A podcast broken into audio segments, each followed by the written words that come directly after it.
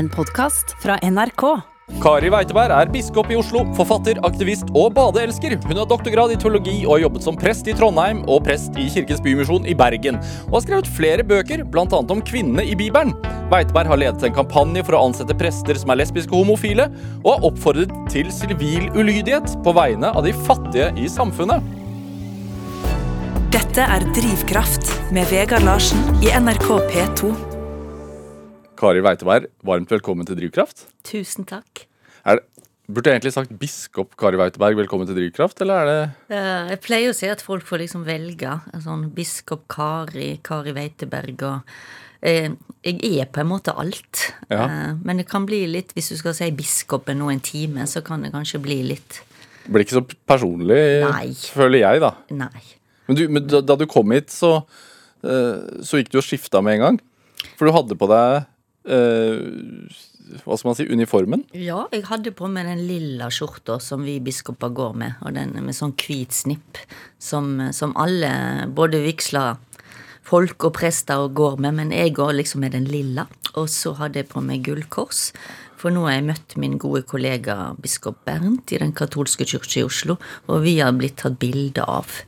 Men så tenkte jeg når jeg sitter her med deg, så tar jeg på meg ei T-skjorte. Ja. Ja. Merker du Hvordan oppfører folk seg forskjellig? I forhold til at du har den på og av. Det er et godt spørsmål. Det er klart Når jeg går rundt med han, så, er, så ser jeg jo av folk at eh, det er biskopen som kommer. Og da sier de 'Å, det er biskopen'. Eh, men det har folk begynt å si òg når jeg går med ei strikka jakke, sånn som dette. Så, så etter hvert, nå har jeg vært biskop i tre år, så er det en del som sier 'biskopen'. Ja. Eh, og det, da, da skjønner jeg at det, det er meg. Men oppfører mennesker seg litt annerledes? Blir man litt mer høytidelig? Altså litt, eh, er man litt redd for å gjøre feil foran biskopen? Det har jeg i grunn opplevd eller erfart i hele mitt presteliv. Eh, ikke å gjøre feil, men eh, det er der hvis jeg sitter rundt et bord og noen begynner å banne Å, unnskyld! Ja. Det er jo en prest her. Ja. Eller, ja.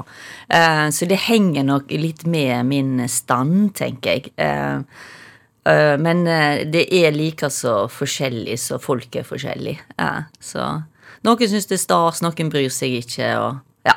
Oppfører du det annerledes, da? Ja, jeg, jeg tenker nok at jeg går med litt sånn eh, ja, oppreist rygg og Jeg tror òg jeg har begynt å kanskje å smile og helse mer på folk. Sånn. Når du har det på? Ja. Da er jeg liksom Ja. Da er jeg eh, Jeg er, jeg er, en, jeg er en biskop ute. Så da mm, Disse, den sni, hvite snippen, som du kalte det. Mm. Jeg spurte deg hva, hva heter den egentlig, og det var du litt usikker Jeg på. var litt usikker på, så det, men jeg tror rett og slett den heter en, en hvit snipp. Ja. Det er jo det er liksom en liten sånn krage da, øverst på, på skjorta. Både på mi og, og alle prester og sånn som vi, som vi kan putte inn en sånn plastikk hvit stripe på. Hvor- Hvorfor, hvorfor man kjøpt de? Ja, det er nettopp at de følger med når du, når du kjøper denne eh, skjorta. Eh, jeg har jo fått spesial. Det fins ikke lilla skjorte. Vi er, vi er jo ikke så mange. Vi er ikke så veldig stort marked. Men det fins en butikk i Drammen som selger, som selger grønne og blå og svarte skjorter. Og jeg har fått min tilsendt fra en som heter George i Stockholm. Men da, følger det med en snitt, snipp. Eh, men det er jo ikke alltid vi har de, eller Oi, nå må jeg ha en snipp, så Et godt tips er også å ha en sånn to liter iskartong, eksempel, og så klippe av ei stripe der, eller en litt sånn hardt, eh, hvit kartong. Jeg har sett på en del kollegaer at av og til så Oi, hvor har du fått snippen din i dag? Ja, der er det noen har glemt det hjemme, ja. Som Ja. har vært kreative. Men um, Kari Weiteberg, det er jo Det er jo straks jul. Eh, og da har jo er, det er derfor du er her i dag, Det er føler jeg. derfor jeg er Nei, det er ikke, det er ikke bare det. Du har en, har en imponerende drivkraft som jeg uh, er veldig nysgjerrig på. Men, men det er jo litt sånn at når det er jul, så Mm. vil vi inn i kirkene. Ja. Uh, er det, Det er vi veldig glad for. ja, er det en sånn ekstra god tid for deg rundt Ja. juletider? Det er en ekstra god tid for meg, fordi ja, en ting er at jeg er veldig fascinert av at Jesus blir født. At Gud lot seg vise i dette lille Jesusbarnet i, i Betlehem. Og det blir det, det tenker jeg at når jula kommer, så skal jeg endelig få lov til å folde det ut igjen. Hva betyr det, og hva er det for oss i dag? Jeg elsker julesangene, og alle jeg møter med, og har et eller annet. Men det kan være sårt, men det har òg noe som Ja, det er òg en sånn type drøm, da, knytta til denne, denne tida. Så jeg eh, Hva betyr det for oss i dag? Åh, jeg tror det betyr eh, Altså hvis du sier i dag, i 2020, så betyr det jo kanskje ekstra mye. Av veldig mange lag. Eh, men jeg tror jul er jo den type høytid som som, som kommuniserer som, som liksom alle har et eller annet med. Altså, det å glede seg, det er det, det jeg i hvert, gjorde i hvert fall jeg fra jeg var tre år. Altså det, det jeg liksom har mest minne om, det, er, det er jul. Så er det et eller annet at det er mørkt her, og så finner vi disse trærne, og så tar vi de inn, og så pynter vi de, og så spiser vi godt, og ja. Ja. Og det har liksom jeg brukt mye av min jobb som voksen, da, eh, og å få til noe sånt med folk som, som kanskje ikke har eh, den heimen å være i. Mm. Hva, hva gjør dere i år, da, når, når det kun er lov til å ha 20 stykker i kirkerommet? Ja, det er det som er Vi bare snur oss rundt. Vi har fått en sånn mantra som jeg syns er fint. Vi innstiller ikke, vi innstiller ikke, vi omstiller. Vi omstiller. Så det har liksom surra i bakhovet på, på alle i kirka de siste tre månedene. Um, når vi liksom har begynt å tenke inn mot jul. Og så har vi hatt plan A. Eh, hvis alt er nedstengt, da må vi være ute. Plan B, hvis det er lov å være 50, da lager vi produksjoner og gudstjenester. Eh, hvor vi før hadde to, så har vi nå seks. Så vi har liksom planlagt i den kirka skal vi ha seks gudstjenester denne julaften. Mm. når det da ble 20, så har vi måttet ta opp sånn plan C og plan A og ta de to sammen. Hva betyr det? Eh, Det betyr at eh, veldig mange plasser så blir det et eller annet utafor kirkene på julaften. Det kan være fakler og tablå og, og kor som som roper ut julesang og eh, lesning av juleevangeliet fra ulike steder. Eh, jeg vet i ruinene oppe i Maridalen så kom, eh, kom eh, menigheten til å, til å gjøre noe der. Men så er det dette her at oi, vi skal jo ikke ha kø, vi skal ikke ha sånn tette ansamlinger. Eh, så mange òg har, som du vil se Google din nærmeste kirke, og da vil det dukke opp hva skjer her. Eh, Men du skal ha sånn pop-opp-kirke? Ja, men jeg må bare få tilføye at det jeg vet eh, mange kirker òg har, er at de har åpne dører, så du kan liksom gå inn der. Og der vil det stå ei julekrybbe, eller det vil være lys, eller det vil være noe i det rommet. Så sånn type åpne kirker. Mm, det vil det være. Ja, og, og, Ja. ja. og, du, og du skal ha pop-opp-kirke? Jeg skal ha pop-opp-kirke. Den starter i morgen klokka tre. Så møtes vi ut forbi domkirken. Da skal jeg og uh, Thea Stabel, som er kjent som skuespiller og regissør, professor i, i, på Teaterhøgskolen, hun har jo sjølsagt lært seg juleevangeliet utenat. Uh, så vi går rundt og har med en ropert. Eh, jeg skal, hun skal kanskje stå opp en skammel. Jeg prøver liksom å Vi prøver å regissere godt her. Og så, og så stiller vi oss opp, eh, og jeg innleder, og Thea formidler juleevangeliet, og så lyser velsignelsen. Så det kan skje nær deg. Så går, gå rundt og spre, spre Syns budskapet? Syns det. Er det Altså, Som du sa, 2020 det har vært et annerledes år eh, for mange. altså Mange har mista jobben sin, mange har sett familie og venner mye mindre. Eh, mange har vært syke. Eh, Noen har kanskje mistet noen også Ja. eh, til korona, men også til andre ting. Eh, hvordan tror du det preger oss? Mm, jeg tror det preger oss på, på veldig mange måter og veldig mange lag. Altså, de- de fleste av oss har venner, eh, og kanskje er det noen av oss sjøl òg som nettopp har fått mindre å rutte med, og det har blitt økonomisk kjempeutfordrende. En del av oss har barn som er kjempelei av å være hjemme. Eh, en del av oss veit òg om at det ikke er ok å være hjemme. Eh, de er kanskje jeg, og mange i kirka òg, veldig opptatt av. En del av oss har begynt å gå på tur. og det er kanskje en god ting. Altså når vi ikke kan sette oss på fly eller båt og dra ut av landet, så, så har en del eh, snudd seg om og plutselig oppdaga jøss. Det er jo en sti rett ut forbi døra mi. Nå skal jeg, få, skal jeg følge den. Mm. Så har vi oppdaga Svartdalen og Janselva. Snakker du om deg selv nå, eller? Snakker jeg meg om meg sjøl. Nei, så det er mange, det er mange dimensjoner. Um, så egentlig kan vi bare fortsette å snakke og snakke om dette her. Leve langsommere. Um, tørre òg å, å, si til noen at, at jeg, jeg, kjenner meg ensom. Um, uh, være redd da for uh, foreldrene våre som sitter rundt på, på sykehjem. Um, ja.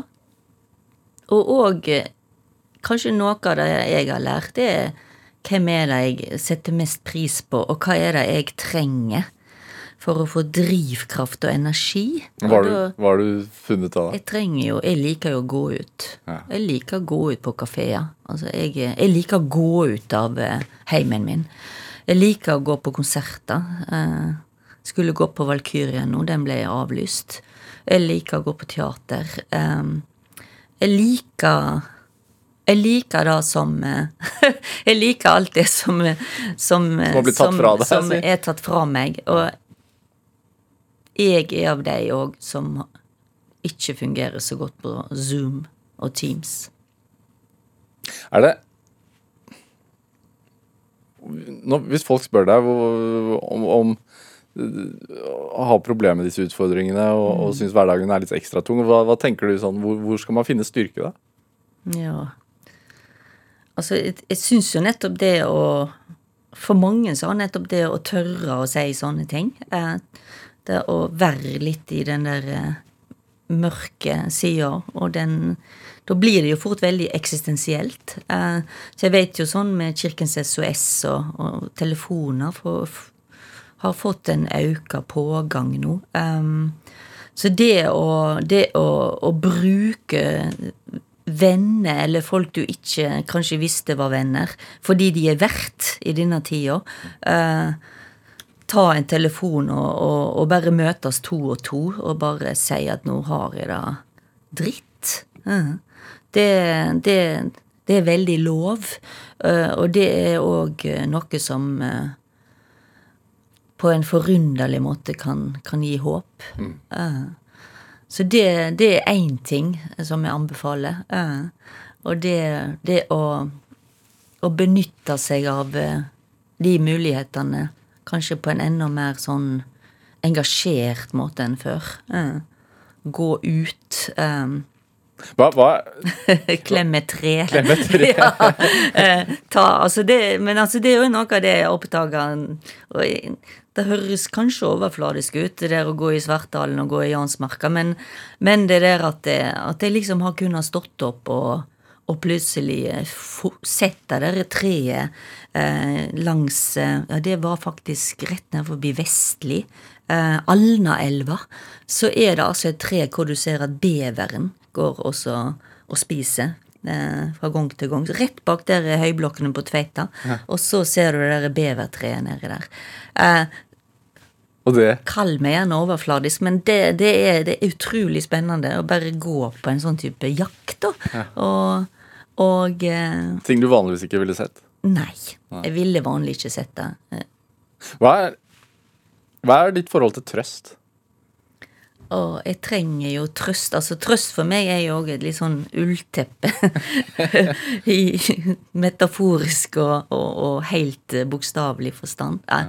Altså det at noen bare um, holder rundt meg, enten meg sjøl eller eller et sånt varmt teppe.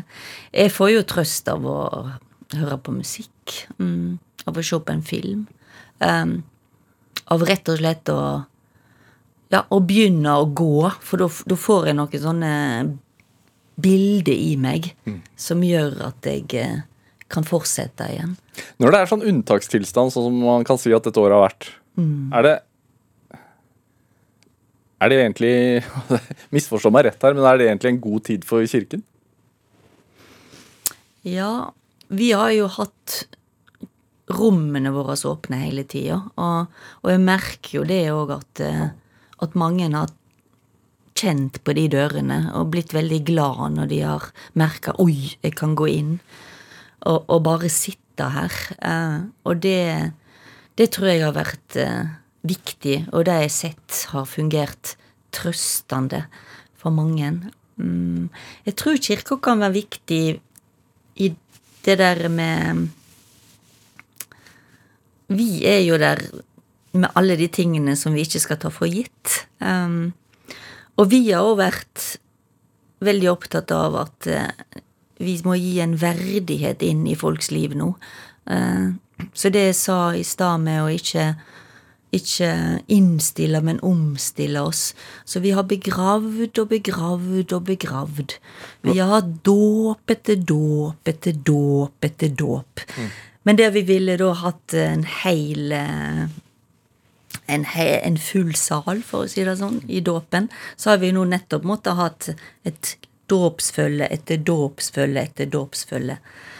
Og det vi hører, er jo at uh, jeg har i hvert fall fått hørt det, at eh, folk kjenner seg sett av oss, eh, og ivaretatt av oss. Og eh, mange nå sier at, at det å ha samtaler med folk nå, både med dåp og vielse og, og begravelser, det Vi hører at takk for at du, du gikk med oss. Mm. Som, som prest så er du jo med du, du, nevner dåp og, og begravelse, mm. og du er jo med på dette her. Også på livets mm. start for mange, og, og også på ja. livets slutt. da. Ja. Hvordan er det ansvaret? Jeg syns jo at det er noe av det som er Om jeg kan bruke ordet privilegium, men altså det er noe med det der Det er det som er det sterke, da, med den jobben eh, som jeg har i kyrkja, og vi har i kyrkja. Det er at noen eh, viser så stor tillit til oss og liksom innlemmer oss i disse både såre øyeblikkene og i disse gledeøyeblikkene.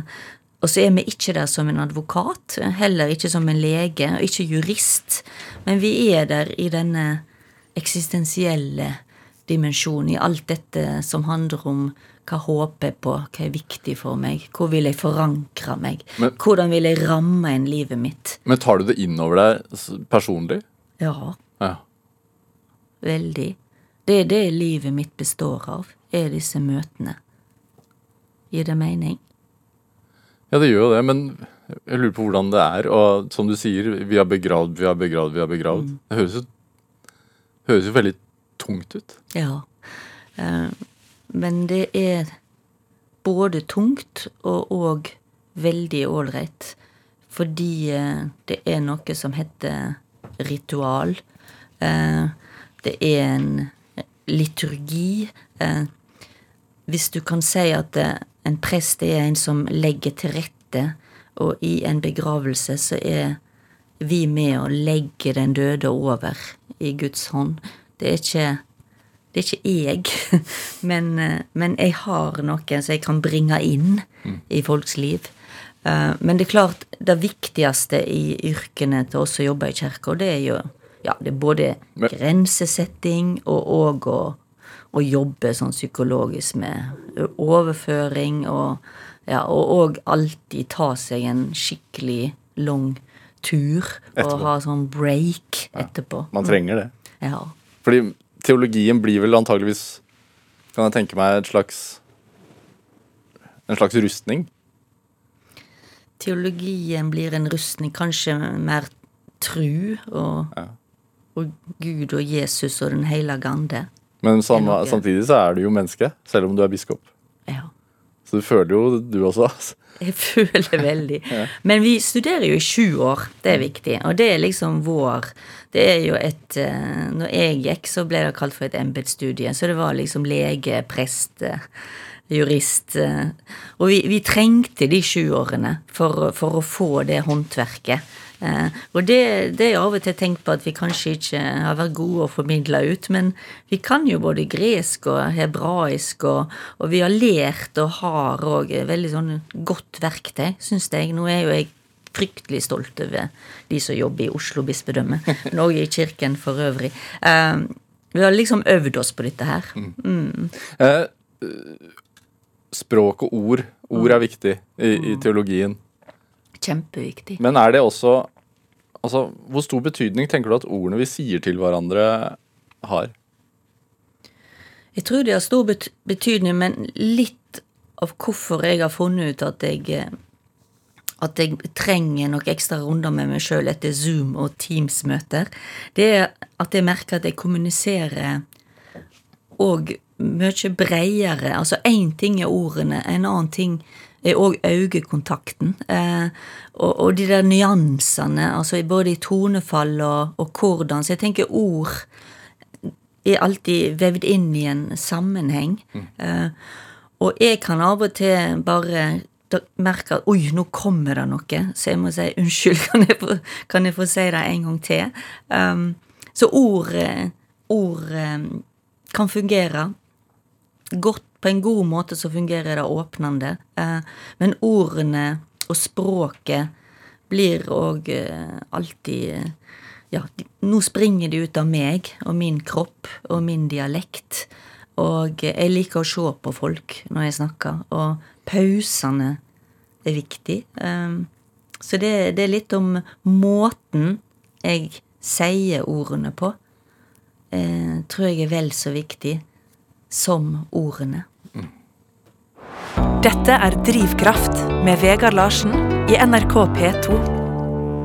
Og i dag er eh, biskop eh, i Oslo, Kari Weiteberg, her hos meg i Drivkraft eh, på NRK P2. Du er fra Stord. Jeg er fra Stord. Det hører vi. Det hører vi. Hva? Der blåser det mye. Det blåser mye, men ja.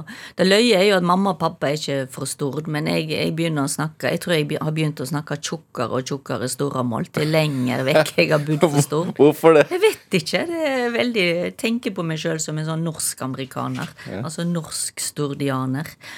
Men eh, hvor, ja. Unnskyld, ja, hvor var moren og faren din fra da? Hvor? Altså, mamma var fra Hallingdal. Hol i Hallingdal. Og pappa var fra Jølster. Så det er der Veiteberg-navnet kommer fra. Men hvorfor bosatte seg på Stord? Fordi de var lærere. Og da var det visst vanlig at en søkte jobber, og så drog en der en fikk jobb. Og mamma og pappa måtte jo få jobb på samme plass. Så de, de hadde jobba litt sånn hver for seg. Mamma hadde jobba i Kautokeino, og pappa hadde jobba rundt forbi. Og så fikk de da jobb på Stord i 1995. Oh, 55. Og der er det jeg har vokst opp. Hvordan oppvekst var det?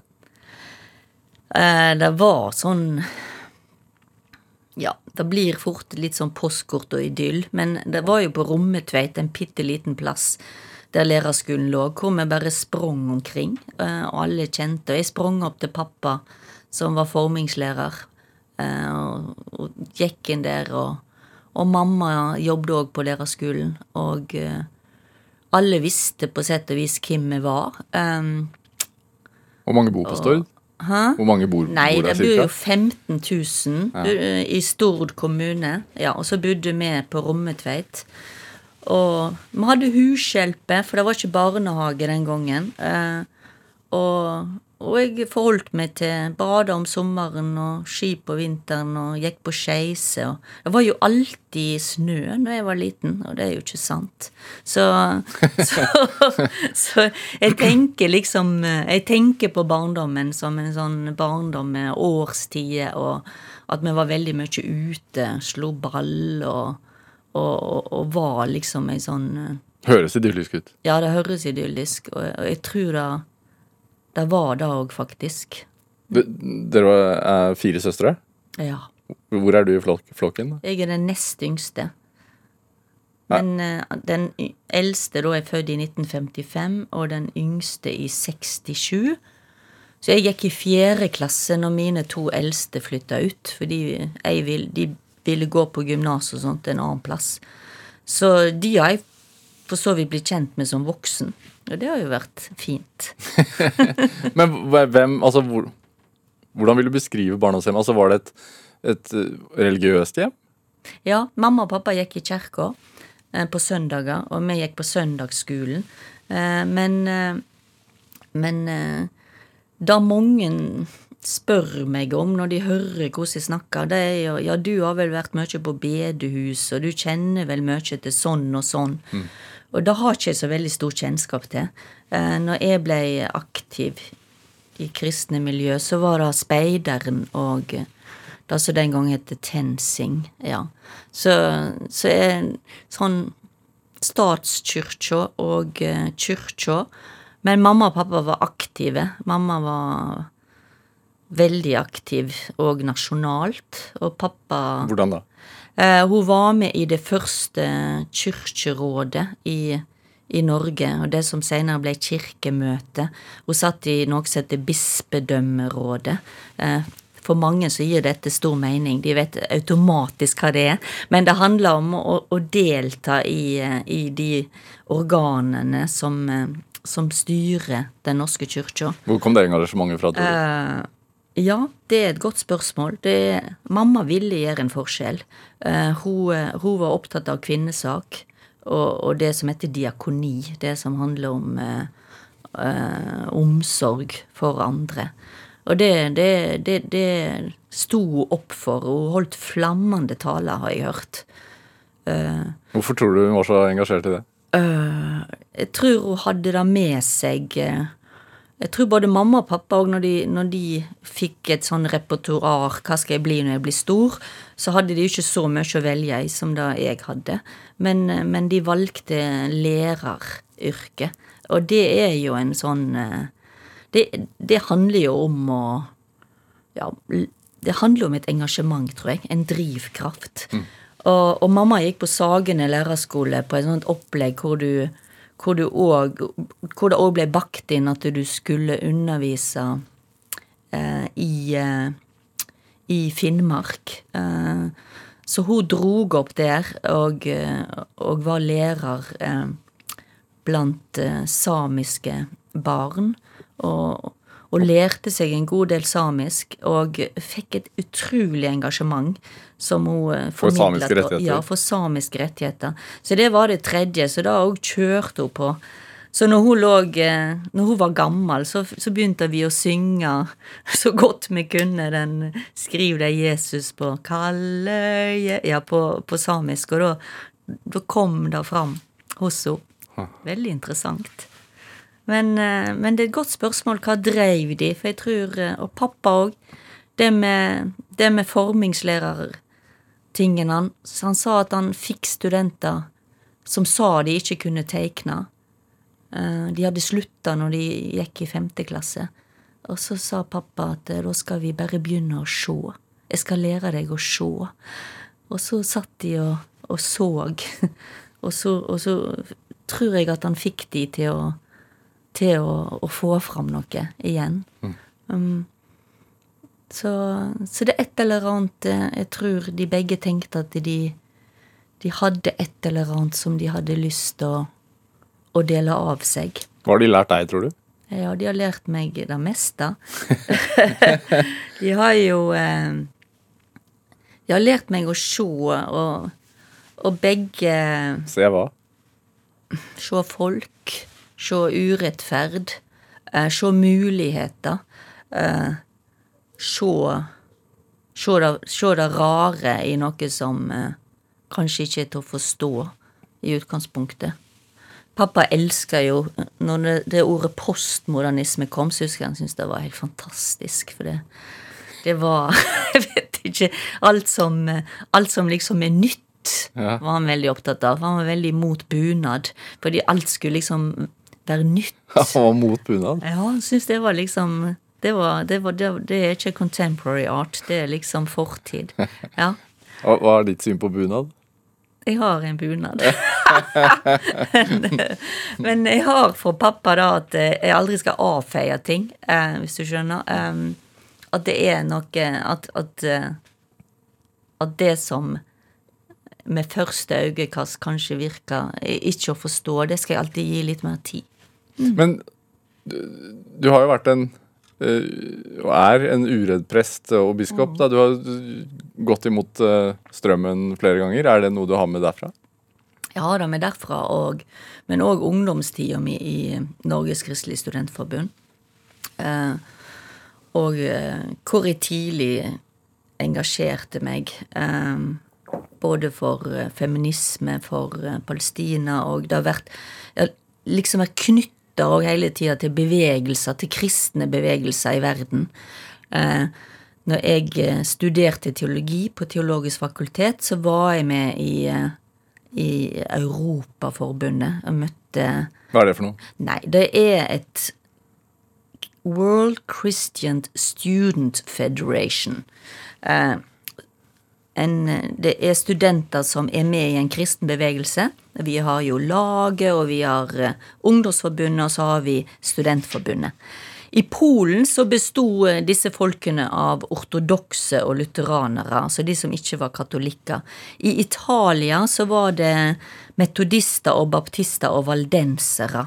I Tyskland så var det kristne i Øst-Berlin.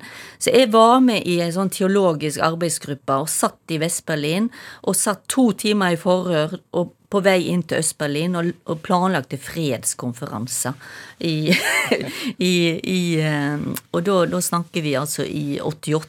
87 og i den perioden der. Så det er klart, jeg fikk med meg noen sånne blikk og noen sånne engasjement Uh, gjennom hele studietida, så handler om at eh, at alt menneskelig er, er verdt å, å, å, å legge et teologisk eh, blikk på. At det å være del av en kristenhet handler òg om å, å, å, løfte folk opp og, og, og kjempe fram rettferdighet. Har du vært sint på kirken? Ja. Hvordan da?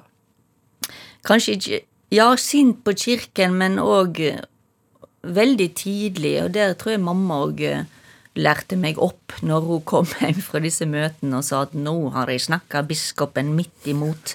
Eh, Så jeg skjønte, jeg skjønte veldig tidlig at vi som sier vi er kristne, vi er et stort mangfold.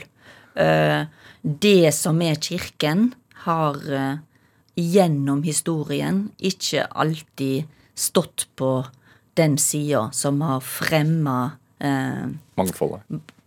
Verken vangfolde eller rettferd. Altså vi Kirken har ofte vært sist i, i klassen når det har gjeldt å, å, å kjempe mot slaveri og eh, ei stemme inn mot apartheid. Men det har alltid vært noen der. Eh, så her handler det liksom hvem sin historie leser jeg, hvem, hva slags stemme lytter jeg på. Eh, og når jeg studerte teologi, så kom det veltende innover oss, alle disse stemmene som vi ikke til nå hadde hørt på. Og jeg fikk en veldig bevissthet om at en stor del av pensumlitteraturen var skrevet av hvite menn i Tyskland som satt ved et skrivebord. Men nå bør jeg ta et studieår og lytte til alle de andre stemmene. Og det gjorde jeg.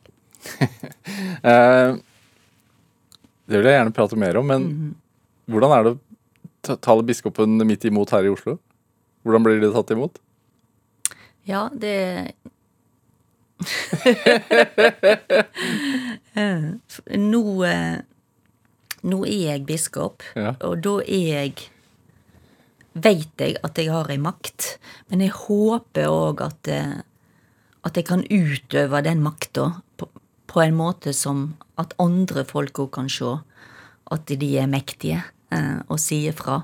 Og jeg er jo et sånn kjempesvært vi, da. Jeg er biskop, eh, men jeg har eh, ei ledergruppe, jeg har et kjempeteam rundt meg, og jeg håper òg at, at folk kjenner at de kan være seg i kirken. Mm. Og hvis du ser på et bilde av alle oss som er biskoper nå, så vi jo, ser vi jo ganske forskjellige ut. Og det syns jeg er veldig, veldig ok.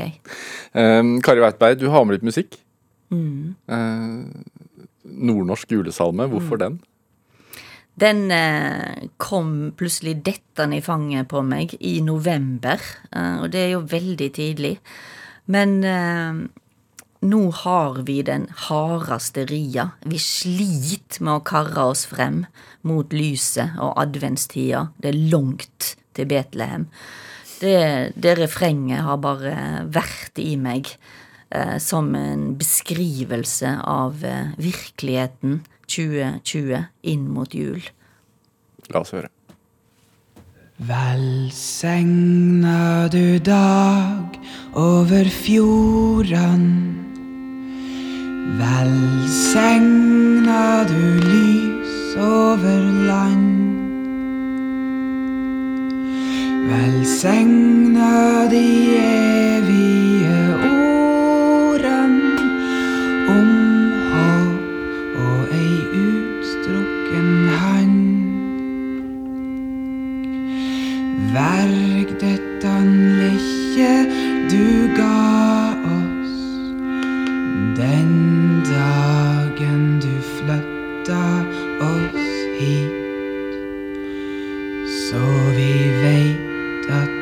aldri vil latt oss forkomme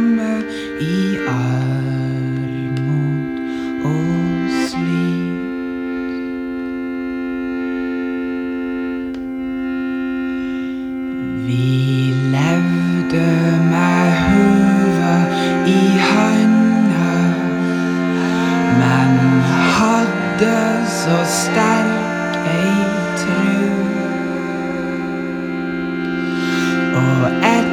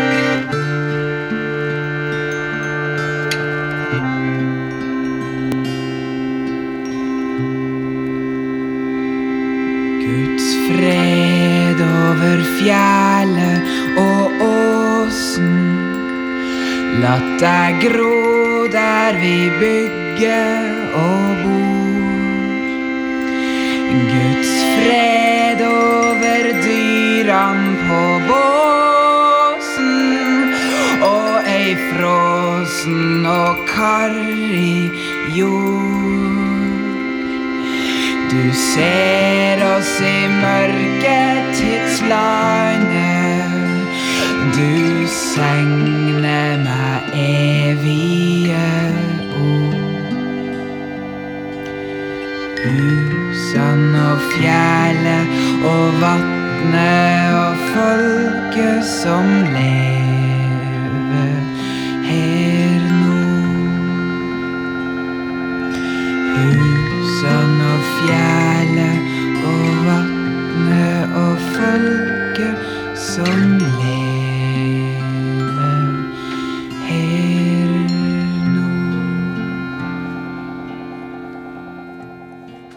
fikk eh, nordnorsk julesalme fremført her av Moddi i Drivkraft eh, her på NRK P2. Valgt av dagens gjest her i Drivkraft, nemlig biskop i Oslo, Kari Weiteberg.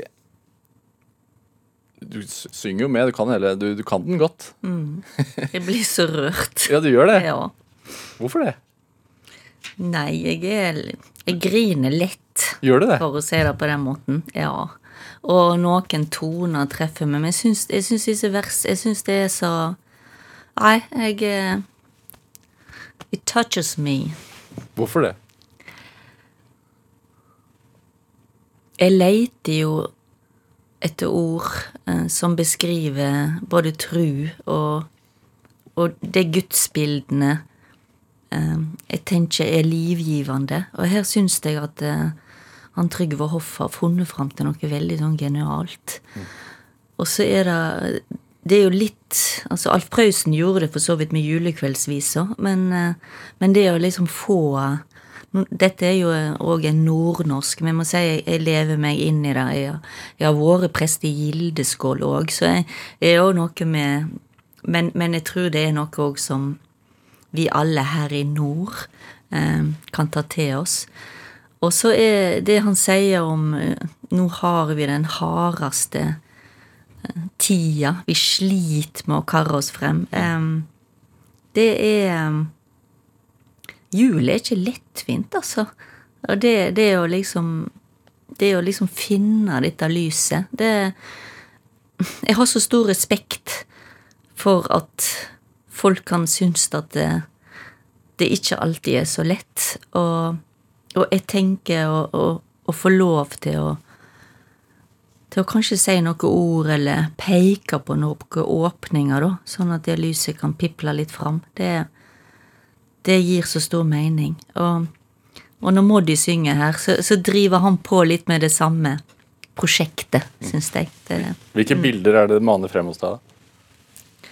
dette um, Det maner fram eh, både noe sårt eller sårbart, eh, eh, men òg dette med innst, innst inni der. Mm. Så så fins du, Gud. Mm. Um, ja. Det, det er en litt sånn eh, det er en litt sånn sårbar salme òg, og så allikevel så er han så eh, kraftfull. Ja. Så han, han, det maner han fram hos meg, for å svare. Han, han maner fram eh, en hel sånn naken sårbarhet og en sånn kraft samtidig. Er det Det må jo være den perfekte julesongen. eh, den kraften eh, Ja. i, i deg Ja. altså, Du har jo skrevet noen bøker, annet en bok som heter Evas døtre, Mm. som presenterer kvinner i Bibelen.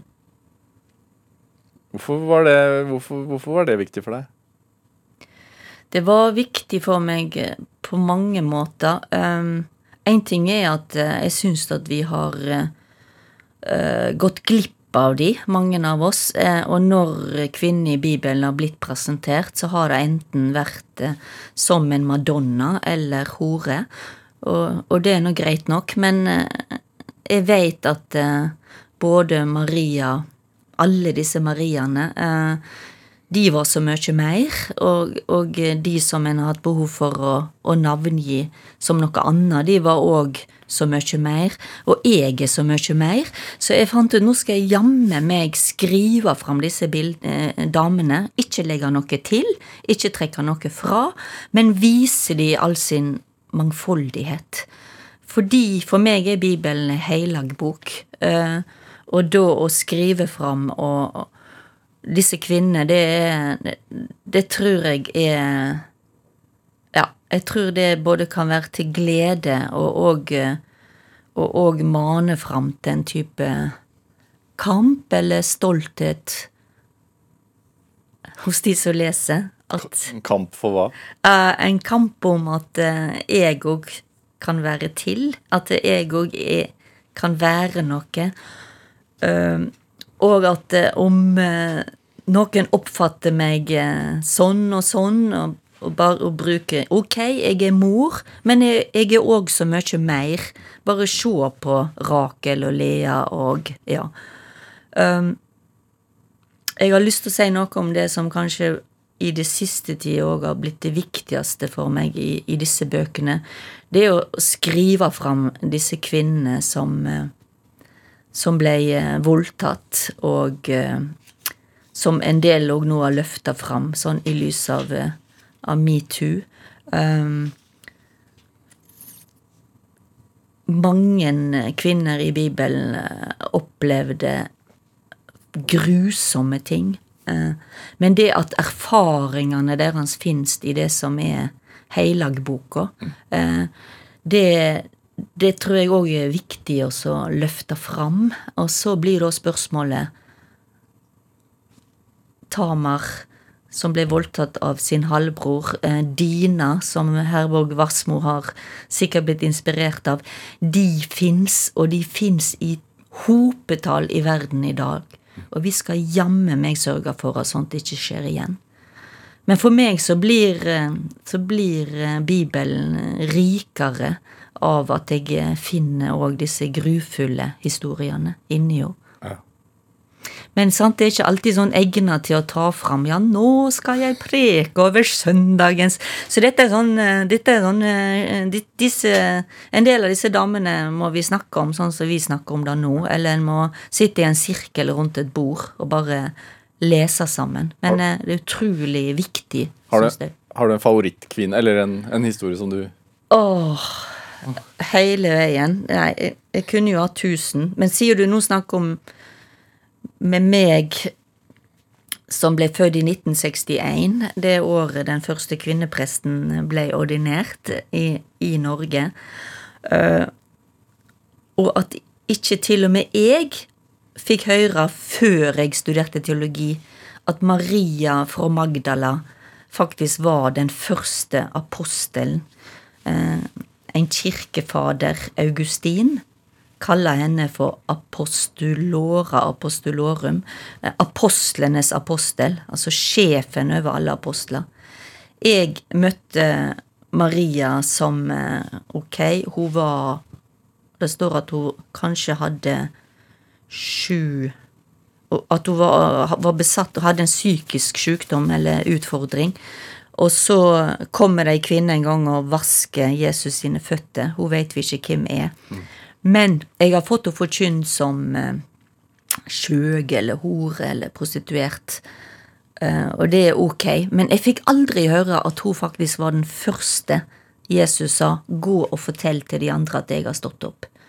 Så for meg er jo hun blitt en sånn heltinne. Eller hun er ei heltinne, for hvis ikke det vært fra Hvis det ikke hadde vært for Maria Magdalena, eller Maria fra Magdala Hun kom nemlig fra landsbyen Magdala.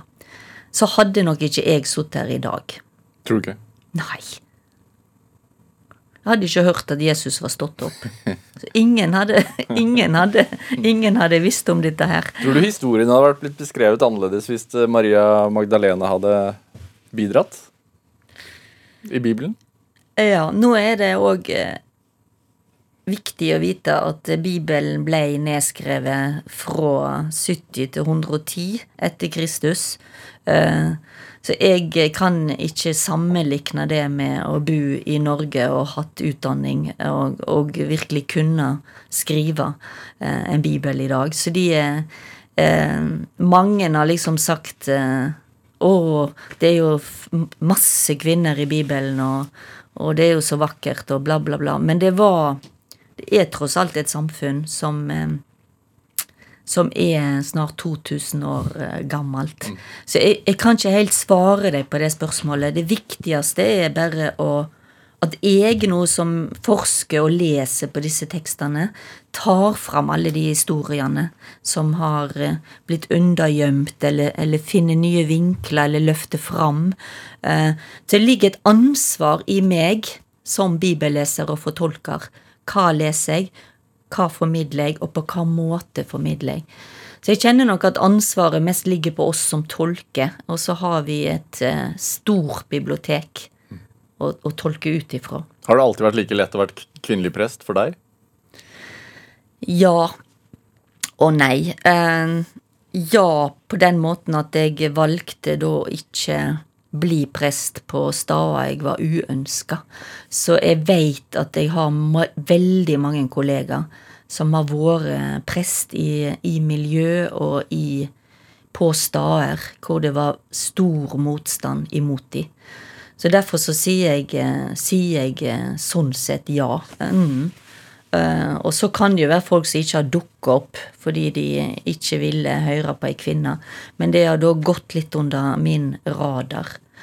Men vi har jo måttet tatt det opp igjen uh, nå på bispemøtet. uh, dette at det fins kvinner ennå i landet vårt som erfarer at mannlige kollegaer eh, syns og ikke vil eh, dele nattverd sammen med dem. Ja. Hva tenker du om det? Som, nei, det, det, var, det var trist.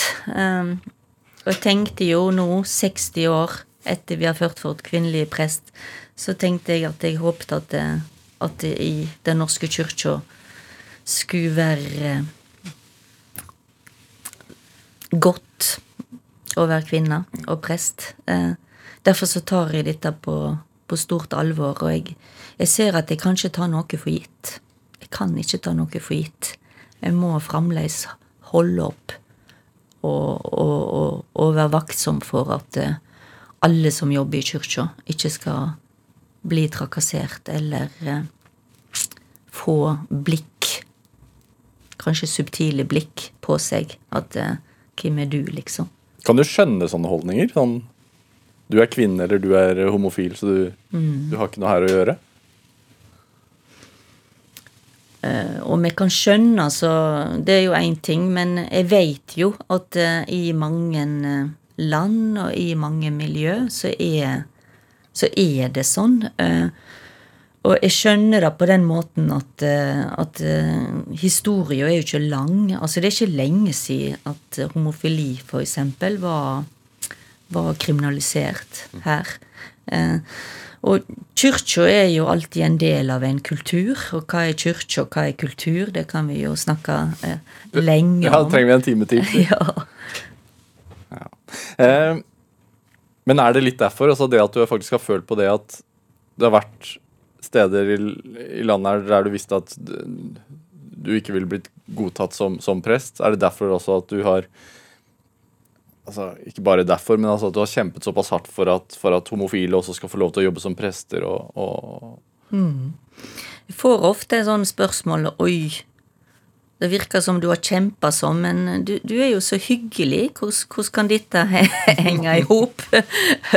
Fordi for meg så Vi kan kalle det kamp, men det har òg vært noe som har vært helt sjølsagt. Altså, de beste vennene mine er lesbiske, homofile og skeive. Um, og jeg er kvinne, så, så det, det ligger litt sånn ned i meg. Eh, jeg tror de som har lært meg mest om, om kjærleik, eh, er vennene mine. De vet sjøl hvem de er. Um, og det er, det er folk som er kjærester og, og bor sammen, og noen er gift, som er, som er av samme kjønn. Så, så det jeg hele tida reagerer på, det er jo når vi snakker om folk som en sak. Og, og sitter på et møte, og så har du snakk... Ja, nå har vi kommet til eh, sak 1521. Ja, skal vi godta det og det? Og der sitter det kropper og liv. Um, det opprører meg veldig. Eh, og det har jeg eh, Det har jeg ikke vansker med å leve meg inn i. Eh, hvor vondt det er å, å bli behandla som et sak, og ikke som et menneske. Hvor vondt det er å høre eh, det å være forelska, og at å, at jeg elsker en, og bli beskrevet som noe som er skittent og ureint. Det, det opprører meg veldig. Og det Ja, så det, det, jeg har nok en drivkraft i det å det å snakke sant, både om kjærlighet og folk. Og òg eh, folk i byen her som, som ofte kanskje får noe sånn eh, Du er sånn, og du er sånn. Det liker du ikke. Jeg liker det ikke fordi eh, ja, Jeg har jo òg en god del venner i rusmiljøet, og, eh, og det er mennesker som er rusavhengig. Det er ikke Ja. Eh, Kari Weiteberg, det er snart jul. Det er snart et nytt år. ja. Hva håper du 2021 skal bringe? Jeg håper jo eh, sånn overordna, så håper jeg jo at eh, at alle barn skal få et husrom. For det er jo òg noe av det jula handler om. Eh, Så jeg håper jo at Moria-leiren blir historie. Det var noe som var i 2020, og ikke i 2021. Og der vet jeg jo at uh, 125 kommuner i landet vårt står klar til å ta imot. Håper at, at det ryktet om, om fred og rettferd blir sant. og så håper jeg at vi skal komme Få det godt sammen igjen, at vi kan møtes. At alle som er frilansere, og alle som lever av at folk skal få gode ting å, å smake og, og drikke, og, og, gode ting å lytte på og se, at de kommer ut på banen igjen. Hva er drivkraften din oppi det hele? Åh, det er jo at jeg er avhengig av alt det som vi nå snakker om. jeg er avhengig av at, at barna i, og folka i Moria nå får en plass og husrom. Og jeg er avhengig av at alle musikerne og skuespillerne og kafeene kommer i gang for å være der i limet. Og ikke minst at kirkene får åpna igjen. Det gleder jeg meg til. Og det er jo jobben min. Ja, Det får være siste ord her i dag. Kari Weitberg, tusen takk for at du kom hit til Drivkraft. Produsent i dag var Pål Arvid Jørgensen. Mari Trosterud var researcher, og Anne Sofie Stang bidro også sterkt til denne sendingen. Jeg heter Vegard Larsen. Du har hørt en podkast fra NRK. Hør flere podkaster og din NRK-kanal i appen NRK Radio.